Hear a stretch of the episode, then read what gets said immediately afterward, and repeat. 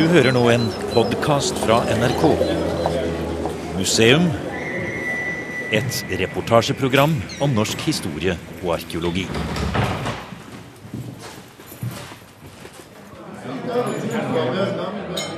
Her sitter vi 70 mennesker i to store klasserom på Hyllestad ungdomsskole i Ytre Sogn. Det er lørdag formiddag, og vi spiser flatbrød og suppe laget på villsau. Det er historisk seminar i bygda, med forskere fra Bergen, Stavanger og Oslo. Pluss biskopen i Bjørgvin, som er på visitas. Arrangør er det lokale Kvernsteinslauget, med Bjarne Akse i spissen. Kvernsteinslauget er en eh, samling av eh, entusiastiske personer som eh, fant ut at skulle vi få det til å skje noe med denne kvernsteinshistorien, så måtte noen ta initiativet. Her hører vi det ringer i sauebjella her. Det betyr at du skal inn på ny forelesning. Men jeg vet at i Kvernsteinslauget så har dere også lover? Ja, vi har lover, og de blir hørlig nedskrevet når de blir tinglesne på Gulatinget i 1968. På et av de første samlingene der etter at Gulatinget ble gjenoppliva i Gulen.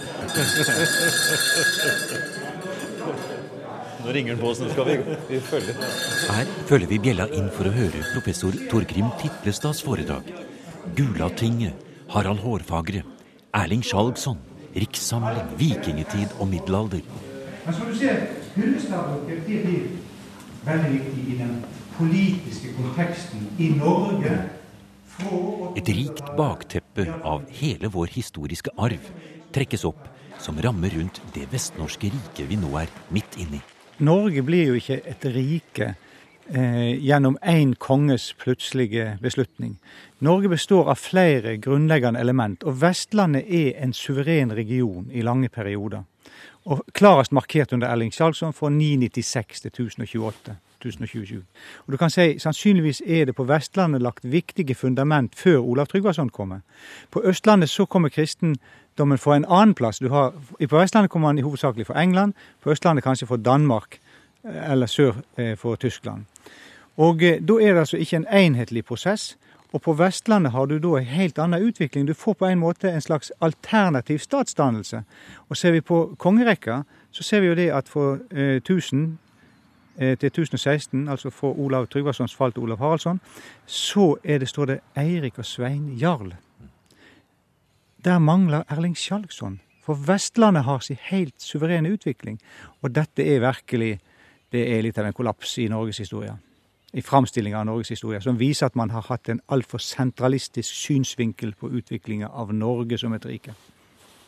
Men nå er det på tide vi tar sagaen i bruk på nytt, og leser den skikkelig fra ende til annen, naturligvis kjeldekritisk, men da vil vi se at det er så mange interessante ting som mangler i den nåværende historieskrivinga, som vi bør supplere inn. Da tenker jeg på en bredde, de ulike sagaene, og jeg vil gjerne ta med Egil Skallagrimsons saga, som jeg òg syns fortjener en plass.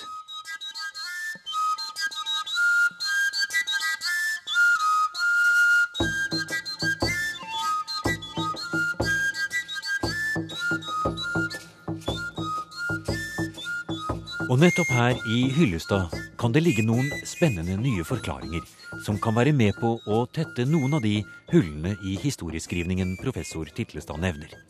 Det handler om stein, om et stort område rundt gårdene her ved Åfjorden, hvor en helt spesiell form for gruvedrift og produksjon av kvernsteiner har koblet dette området til et internasjonalt eksportmarked. I den tidlige vikingtiden, og kanskje enda tidligere, var det antakelig like tett kontakt mellom Vestlandet og England og Østersjøområdet og Danmark som til det sentrale østnorske området. Kvernsteinsbruddet i Hullestad er et ganske unikt kulturminne. Og eh, de steinbrudda her de har levert produkt som har gått langt utover den lokale markedet. Og det er eksportert kvernstein til ja, Sverige, Danmark, Nord-Tyskland, Færøyene, Island. Til og med så langt øst som Polen finner en Hyllestadstein. Så det er ganske, ganske spesiell den virksomheten som har vært her. Og disse steinene som er eksportert eh, i et så stort område, de kan man kjenne igjen, for det er en helt spesiell eh, geologisk stentype her. Ja, eh, populært så kaller han det granatglimmerskifer. Og eh, den har veldig mange mineral som gjør at bergarten er lett gjenkjennelig. Sånn at du kan, eh, du kan rett og slett se at det er hullestestein, uten at du går inn og tar nærmere geologiske undersøkelser. Det første stoppet vil bli eh, ved ei bru de kommer fram til. Dette er arkeologen Irene Baug. Hun har undersøkt flere av bruddene, bl.a. et her i Kvernsteinsparken, Hyllestads tusenårssted, som seminardeltakerne nå er på vei inn i. Her ser vi det spesielle steinslaget, med den knudrete og skarpe overflaten som gjorde kvernsteinene herfra så ettertraktede både til små hånddrevne møller og til middelalderens store vannmøller ute i internasjonale markeder. Uh, I steinen uh, så er det et spesielt mineral som gjør uh, Hyllestadsteinen gjenkjennelig. Og det mineralet heter kyanitt. Og jeg har med en eh, stein som det er en kyanitt på, og har alliert meg med geologen eh, Øystein Jansen. Han skal få bære denne steinen, for den er jeg fryktelig redd, på, redd for, for den har dronninga tatt på. Så den vil jeg ha tilbake, altså. Vi ser bak omviseren her, så er det noen som har kledd seg ut i forskjellige kostymer. Det er barn som fisker, det er andre som går inn i terrenget her. Hva skal det vise? Jeg tror det skal forestille vikinger. så ja, kanskje jeg så litt sånn ut, de som jobber her en gang. Og det det viser, er vel at man forsøker å bruke nå en del av denne identiteten som den nye arkeologiske og historiske interessen for eh, Hyllestad-stenbruddene da fører til. Så det er på en måte en slags identitet for hele bygda. Ja, det er jo blitt det. Eh, etter hvert som han oppdager hvor stort dette her egentlig er, så eh, har han jo fått et enormt lokalt engasjement. Så det er jo utrolig bra. Hva vil du si om eh, omfanget av den produksjonen? Hvor lenge har det foregått? Når begynte det, og når sluttet det? Det har pågått i mange mange hundre år. Og et av målene med de arkeologiske undersøkelsene det var jo nettopp å datere produksjonen. Og vi vet i hvert fall at det ser ut til at eh, produksjonen går tilbake til 700-tallet. Altså overgangen mellom eh, merovingertid, vikingtid. Men de har jo hatt kvernsteinsproduksjon her i Høllestad faktisk helt fram på 1900-tallet. Så vi er faktisk sikre på da, at helt tilbake til 700-tallet, midt på 700-tallet, fremover mot 800-tallet, så var det faktisk en stor, omfattende og organisert produksjon for eksport av kvernsteiner her. Ja, det ser sånn ut. Eh, de eldste eksporterte produktene er jo da der en har sikra dateringer fra slutten av 900-tallet. Men eh, eh, distribusjonen har nok gått lenger tilbake i tid. Og Noe av det som gjør det virkelig spennende, det er jo at man tror at en del av disse stenbruddene de produserte, der produserte man også store stenkors. Ja, det er jo veldig spesielt. Eh, vi har jo i dag litt over 40 steinkors som er bevart på Vestlandet. Og eh, når en har reist rundt og sett på bergarten der, så viser det seg at eh, det ser ut som 23 faktisk er laga her i Hyllestad. Det er ganske spesielt. Mm. Da vil jeg at de trekker nærmere meg, så skal vi snakke litt om hoggeteknikk. Trekk nærmere. Jeg har lyst til å spørre deg litt om sammenhengen mellom kvernsteinproduksjon og disse store stenkorsene. Eh, når du har undersøkt stenbruddene, så har du også sett etter om man kan finne spor der etter at man har tatt ut korsene. Og det har ikke vært så lett å finne.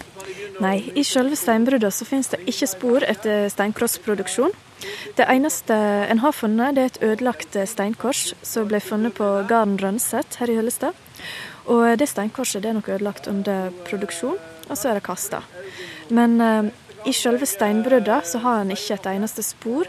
Og eh, på steinkorset så har en heller ikke klart å sitte eh, spor etter verktøybruk og hogging. Så det er veldig vanskelig å si hvordan steinkorset er blitt utvunnet, og akkurat hvor de ulike bruddene var der de ble utvunnet. Men på et ferdig steinkors så har man til gjengjeld funnet spor av en kvernstein? Ja, det er kjempespennende. Det er det keltiske korset som står i Eivindvik i Gulen. Og eh, på stammen av det korset så ser en rett og slett eh, flere sirkler etter uttak av han kvernsteinet. Mm. Så Det viser jo at eh, kvernstein og steinkors faktisk ble hogd fra de samme steinbruddet. Og så kjenner man det jo igjen selvfølgelig på selve denne spesielle stentypen som vi hørte her, som er så lett å identifisere. Granatlimmerskiferen, ja. Mm. Veker vart mange, dagane lange, Her var det uante krefter i sving. Furu og selje kan det fortelje hva som seg løgner i lyngen ikring. Høyr hvor dei meislar lyden den leikar fram ifrå berget. Men eh, si litt også om hvem det var som kan ha stått for denne store, omfattende produksjonen og en voldsom utskiping og et stort apparat med å frakte dette ned til fjorden osv. For det var ikke de lokale bøndene som gjorde det. Nei, det var nok ikke det. Og uh, i uh, middelalderen så uh, ser det ut til at ulike kirkelige institusjoner har eid området her, og sannsynligvis var det de som rådde over steinbruddet. Og at de da har hatt leiglendinger som har jobba for seg.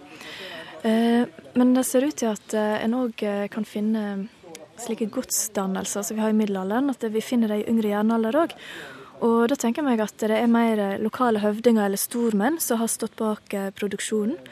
Og at det er de som har organisert det.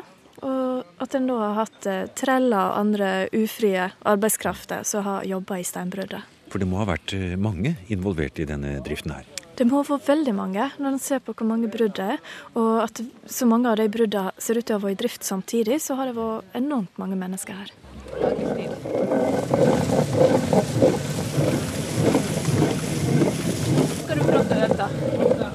Det, det, var vanskelig å lage det, men det er også vanskelig å bruke det? Å bruke den? Nei, det, ja, det er tungt i hvert fall. Det er veldig tungt. Er skikkelig kvinnfolkarbeid. Ja, ikke sant? Så dette ble damene setter på gården. Så det, du kan tenke deg hvis du skulle lage mat til en hel familie, så må du slite litt.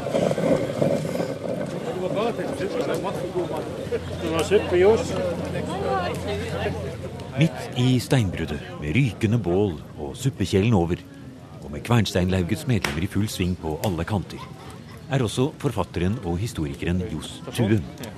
Han har skrevet boken 'Livets steiner', om de gåtefulle kvernsteinene og de majestetiske steinkorsene som kom herfra for 1000 år siden. Og han mener at den nye oppmerksomheten rundt dette kan få betydning for hvordan vestlendingene kommer til å oppfatte sin egen historie. Det tror jeg. Det, ble jo sterkt understreket både av ordføreren i Hyllestad i dag, eh, og også bispen i Bjørgvin. Ja, der, der borte står biskopen der borte ja, og følger med. Borte, ja, og, og, det er klart at, at hvis vi da eh, bruker det til videre, så er jo, er jo, en del av de produktene som kom herifra, eh, på en måte identifikasjonsmerket til vestlendingen. Ja den europeiske kontakten må ha vært tett og nær. og eh, ja, Husk på de produktene som de tok ut fra disse bergene. her, De ble jo solgt over eh, sentrale deler av Nord-Europa. De vant konkurransen hver dag. Og Når vi tenker på den store produksjonen som var her i dette mm. området, så kan man jo nesten lure på om det var mer eksport da enn det er i dag? Ja, jeg lurer på om ikke dette faktisk har vært en av de største industriarbeidsplassene på Vestlandet eh, til alle tider. Jeg er nokså overtydd om det. Vi har jo dette området som vi står i her, det heter jo Myklebustad. Mikkelbustad, er den store gården. Og det kan jo ha selvsagt sammenheng med at, eh, at her var det veldig mye folk. Her bodde det mange mennesker. Og at det også er den første eh, produksjonen, eh, større industrielle produksjonen, det, det tror jeg også er helt sikkert. Og det som er den store utfordringa for, for, alle nå, det, det, er jo egentlig å se på det vi kan kalle for logistikken omkring eh, hele denne produksjonen. Fra de hogger ut steinene her, til de fører ned til sjøen, eh, til de, de førte de inn til markedsstedene. Eh, altså Hvem var skipsreierne, hvor var kapitalen, hvor kom pengene ifra? Men også selve spreiingsmønsteret, måten å jobbe på, måten å tenke på eh, økonomisk. er helt, kan man dra klare paralleller til i dag. Og dette er ny kunnskap, vi er påstå, i vårt land. Hvis du skulle beskrive hvordan det ser ut når man kommer fra sjøen, kommer innover mot området, så ser man et av disse store, fantastiske keltiske korsene som står der. Ja, det, det, er jo eh, Altså, min kjensle er jo eh, først og fremst eh, knytt til, til undring over selve faget å kunne lage en slik kors. Men også hele tiden at det appellerer til oss moderne mennesker til å fundere over hva, er, hva var føremålet med å sette opp denne krossen. Vi har, kan stadig utvikle nye tankebaner, nye teorier. Og så har vi da eh, det er merkelig at dette er et kystfenomen. altså Vi, vi finner det ikke inne i fjordene. Altså, Der har vi gravhaugene.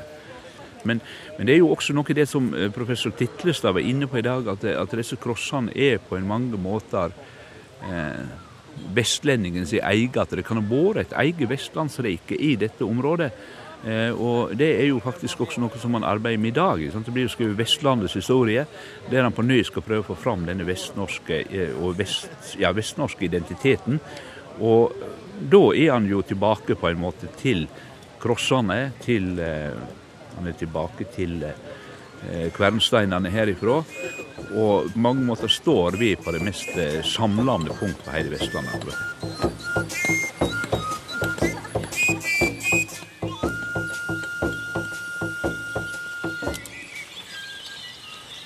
Her ligger det et gammelt stenkors fra Hyllestad i eh, koret på en nedlagt kirkenaur på den gamle, nedlagte kirkegården her i Hyllestad. Hvor gammel kan det være, tror du, Schumacher? Ja, det er ikke godt å si, men uh, vi er vel på Skal vi si vi er uh, på rundt tusentallet. Og det føles også nesten som om vi skulle være langt borte i en historisk tid når vi går her på disse kirketuftene sammen med idéhistoriker Jan Schumacher fra Menighetsfakultetet. Vi fester oss ved tre store keltisk-angelsaksisk inspirerte stenkors som står oppreist i den gamle kirkegårdsmuren. Slike kors kan man ha sett på øyene i vest. Det er så mange, det er så mange folk fra um, Norge dro over for å røve og for å handle og for å Ja, noen slo seg jo ned. Og dette Slike kors, og større enn dette, var jo ting de så i uh, terrenget. Det må jo være noe av det første de, de har um, sett i landskapet. Og de må ha undret seg over hva disse korsene egentlig skulle bety. For når blir egentlig et kors det kristne symbolet det er i dag? Det var flere hundre år etter Golgata, sier Schumacher. For først måtte romerne slutte å bruke korset som torturinstrument og den kristne tro blir statsreligion i Romerriket. Da er vi jo på, på 300-tallet. Og på 300-tallet starter jo da historien om korset som, som symbol. Først og fremst ikke på langfredag, men mer som et seierssymbol. Og det er denne korssymbolikken som, eh, som, veldig tidlig flytter inn på de, eh, på de britiske øyer og blir, eh, blir, veldig viktig, får faktisk en, får en utbredelse på de britiske øyer. Både blant de vi kaller keltere og de vi kaller angelsaksere, som, som vel faktisk savner sidestykket i tidlig middelalder. La oss si det landskapet vi står i her. Det er klart For oss så fortoner dette landskapet seg som eh, natur, som vi sier. Men eh, mennesker som levde ved tusenårsskiftet, første tusenårsskiftet, de, for dem var dette landskapet fullt av makter. Og eh, et tegn som korstegnet kunne da nettopp bety, sånn som vi står her, så kunne det nettopp bety at dette området her, som vi står på, som er inngjerdet av kors, det var på en måte da det var beskyttet. Inngjerdet av kors. Slik ble det også i den tidlige kristningshistorien av angelsakserne i Northumbria, de høye steinkorsene ute i det store, åpne terrenget i Yorkshire, fra Whitby og Durham til Hadrians mur. Det representerte også et kirkepolitisk område, sier Schumacher, slik munken Beda forteller om i sin kristningshistorie fra 700-tallet. Kan dette også ha vært bakgrunnen for at flere titalls store stenkors, etter tro kopi fra de britiske øyer, ble reist langs skipsleia her i Gulatingsområdet, for å markere at dette området skilte seg ut fra resten av landet ved sin nye tro, som jo kom nettopp fra England. Det er interessant det du, det du også er inne på, dette med den, den geografiske eh, liksom, eh, altså dette, At det er visse områder hvor man, hvor man, finner, hvor man finner, dette. til, altså i England og tilsvarende her i Norge. Det er et område hvor liksom, dette synes å ha vært liksom, uttrykket, det tidlige uttrykket for, for at, at, at, kristendommen har, har, slått, har, slått, rot. Og det er jo I de siste, i de siste årene så er det blant historikere som arbeider med liksom, denne perioden, altså tidlig middelalder, og utbredelsen av den kristne kulturen, så er det jo et ord som en, en begynte å ta i bruk. Eh, vi kan godt si et slags sånt et metodisk perspektiv. Man snakker om mikrokristenheter. Altså når vi skal studere f.eks. la oss si kristendommen i Norge i tidlig middelalder, så er ikke, er det ikke bare å studere den sånn over, liksom, over hele Norge, men altså dette å kunne se, finne de regionale særegenhetene, og spørre hvor hadde de dette fra. Og tilsvarende med England, som altså da på 1000-tallet jo hadde en over 400 år lang kristningshistorie bak seg, så er det også dette at du har sånne områder hvor, hvor spesielle altså Hvor, hvor f.eks. korstegnet har liksom vært det spesielle uttrykket. Jeg kunne være fristet til, til, å bruke kan si det, kanskje dette uttrykket mikrokristenhet på, på, dette området her. Det er klart, det er jo, det er jo ikke akkurat det er jo et litt nytt perspektiv i oppfatningen av kristningen av Norge. Eh, der har man jo på en måte vel kanskje ikke vært for mye opptatt av de regionale forskjellene. Nei, for Man har sett disse store vikingkongene og sagt at kristnet Norge osv. Ja. Mens i virkeligheten så står vi her i et område av landet som hadde kanskje en veldig tidlig og veldig bevisst og veldig helt klart eh, kontakt med altså den angelsaksiske kristne eh, troen. Ja, ja. Og, at, og at, eh, det betyr på den da at, altså disse, at disse, altså dette fenomenet steinkors på Vestlandet at det er, det er noe nettopp som, som, signaliserer kanskje at her er det et, er et spesielt område som har, som har sin kristningshistorie. Mens andre områder har, andre områder har, uh, har sin. Og at, og at det samme noe lignende også, noe vi finner også på, på de britiske øyer. Eh, at vi også der måtte ha disse områdene hvor vi har de, de særegne, disse særegne uttrykkene.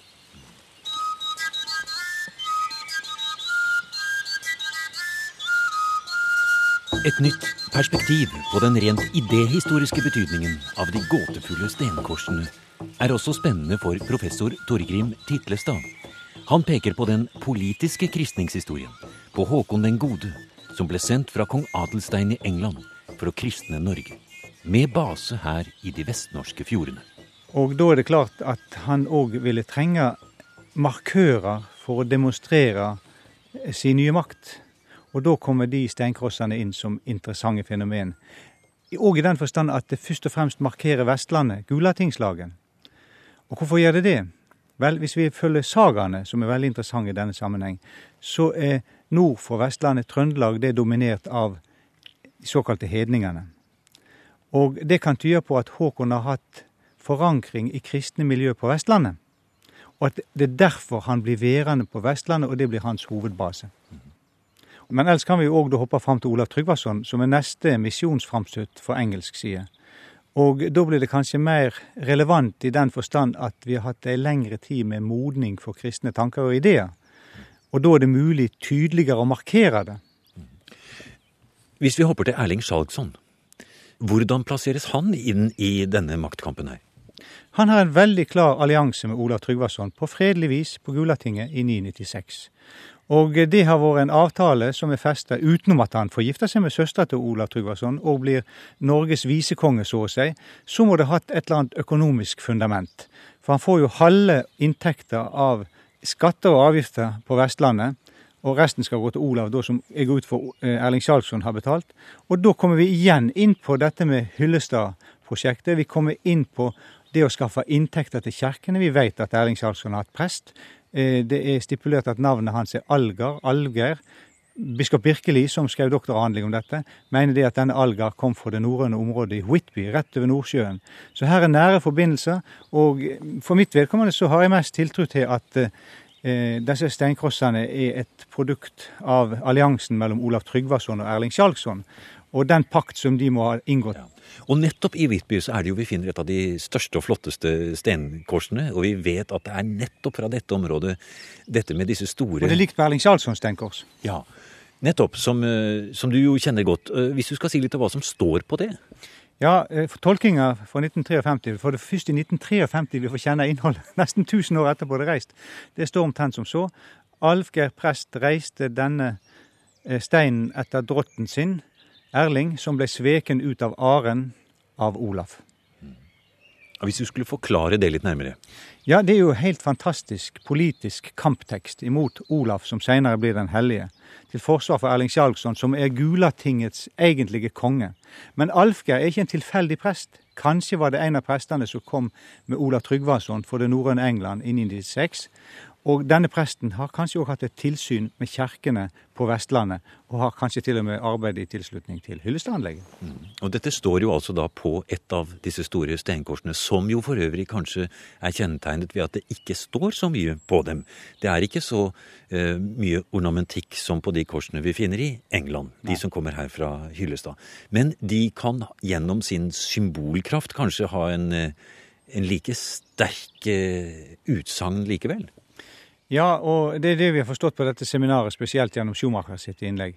At symbolkrafta er så uendelig mye større i den perioden enn vi kan forestille oss i dag. Og vi har egentlig ikke innsikt i den kraft som de hadde den gangen. Små ekko har vi iallfall. Du har nå hørt programmet Museum som podkast fra NRK. Museum sendes i NRK P2 på lørdager og søndager. Du finner flere programmer på nrk.no podkast.